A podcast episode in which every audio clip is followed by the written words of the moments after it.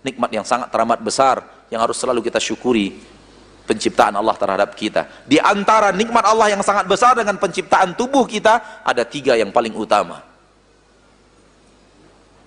Pendengaran, penglihatan, dan hati. Ini tiga modal utama manusia. Dari tiga ini mereka belajar, mengetahui, berkembang dengan tiga modal ini. Yang paling utama, semua ilmu masuk melalui mata dan telinga. Ditampung di dalam hati dan difahami oleh hati, disimpan di dalam hati. Pintu ilmu, pendengaran dan penglihatan. Wadah tempat menyimpannya hati. Dan memahaminya adalah hati. Dan ini adalah modal paling hebat sehingga orang-orang yang tidak memiliki modal ini untuk beriman kepada Allah, Allah katakan mereka bisu, tuli, buta. Dan mereka tidak akan kembali ke jalan yang benar. Hati mereka tidak akan mau kembali ke jalan yang benar. Oleh karena itu Allah sering menyebut tiga nikmat ini dalam satu ayat. Termasuk ayat ini. Nikmat pendengaran, nikmat mata, penglihatan, dan nikmat hati. Qalilan ma tashkurun, namun sangat sedikit di antara kalian yang bersyukur kepada Rob kalian. Sudah diberikan nikmat yang begitu besar, diberikan penciptaan yang begitu hebat, diberikan segala fasilitas hidup, diaturkan hidup yang luar biasa. Namun kalian sedikit yang bersyukur.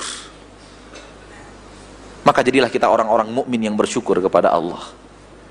Dan kita syukuri seluruh nikmat sekecil apa pun yang terasa oleh kita syukuri. Masih terdengar saya berbicara, nikmat yang sangat besar. Pendengaran antum masih bisa menangkap suara saya. Antum masih bisa melihat saya, nikmat yang sangat besar. Antum mata antum masih sehat untuk melihat anak. Walaupun pakai alat. Kalau nggak pakai alat kurang jelas, tapi masih bisa melihat. Antum masih bisa menghirup oksigen. Nikmat yang sangat besar. Antum dapat minuman, dapat makanan dari Allah. Anugerah Allah nikmat yang sangat besar. Darah yang masih mengalir, jantung yang masih sehat. Belum pernah ganti onderdil sudah puluhan tahun. Nggak pernah masuk bengkel. Sudah puluhan tahun. Ini rahmat dan nikmat Allah yang sangat besar. Nikmat penciptaan yang luar biasa. Demikian dengan paru-paru kita. Demikian dengan ginjal kita. Demikian dengan usus kita. Belum pernah ganti onderdil belum pernah masuk bengkel. Puluhan tahun kita pakai. Demikian dengan tulang kita maka orang mukmin senantiasa bersyukur kepada Allah taala dan jumlah yang bersyukur itu sedikit Makanya Allah katakan qalilan ma tashkurun. Sedikit kalian yang bersyukur.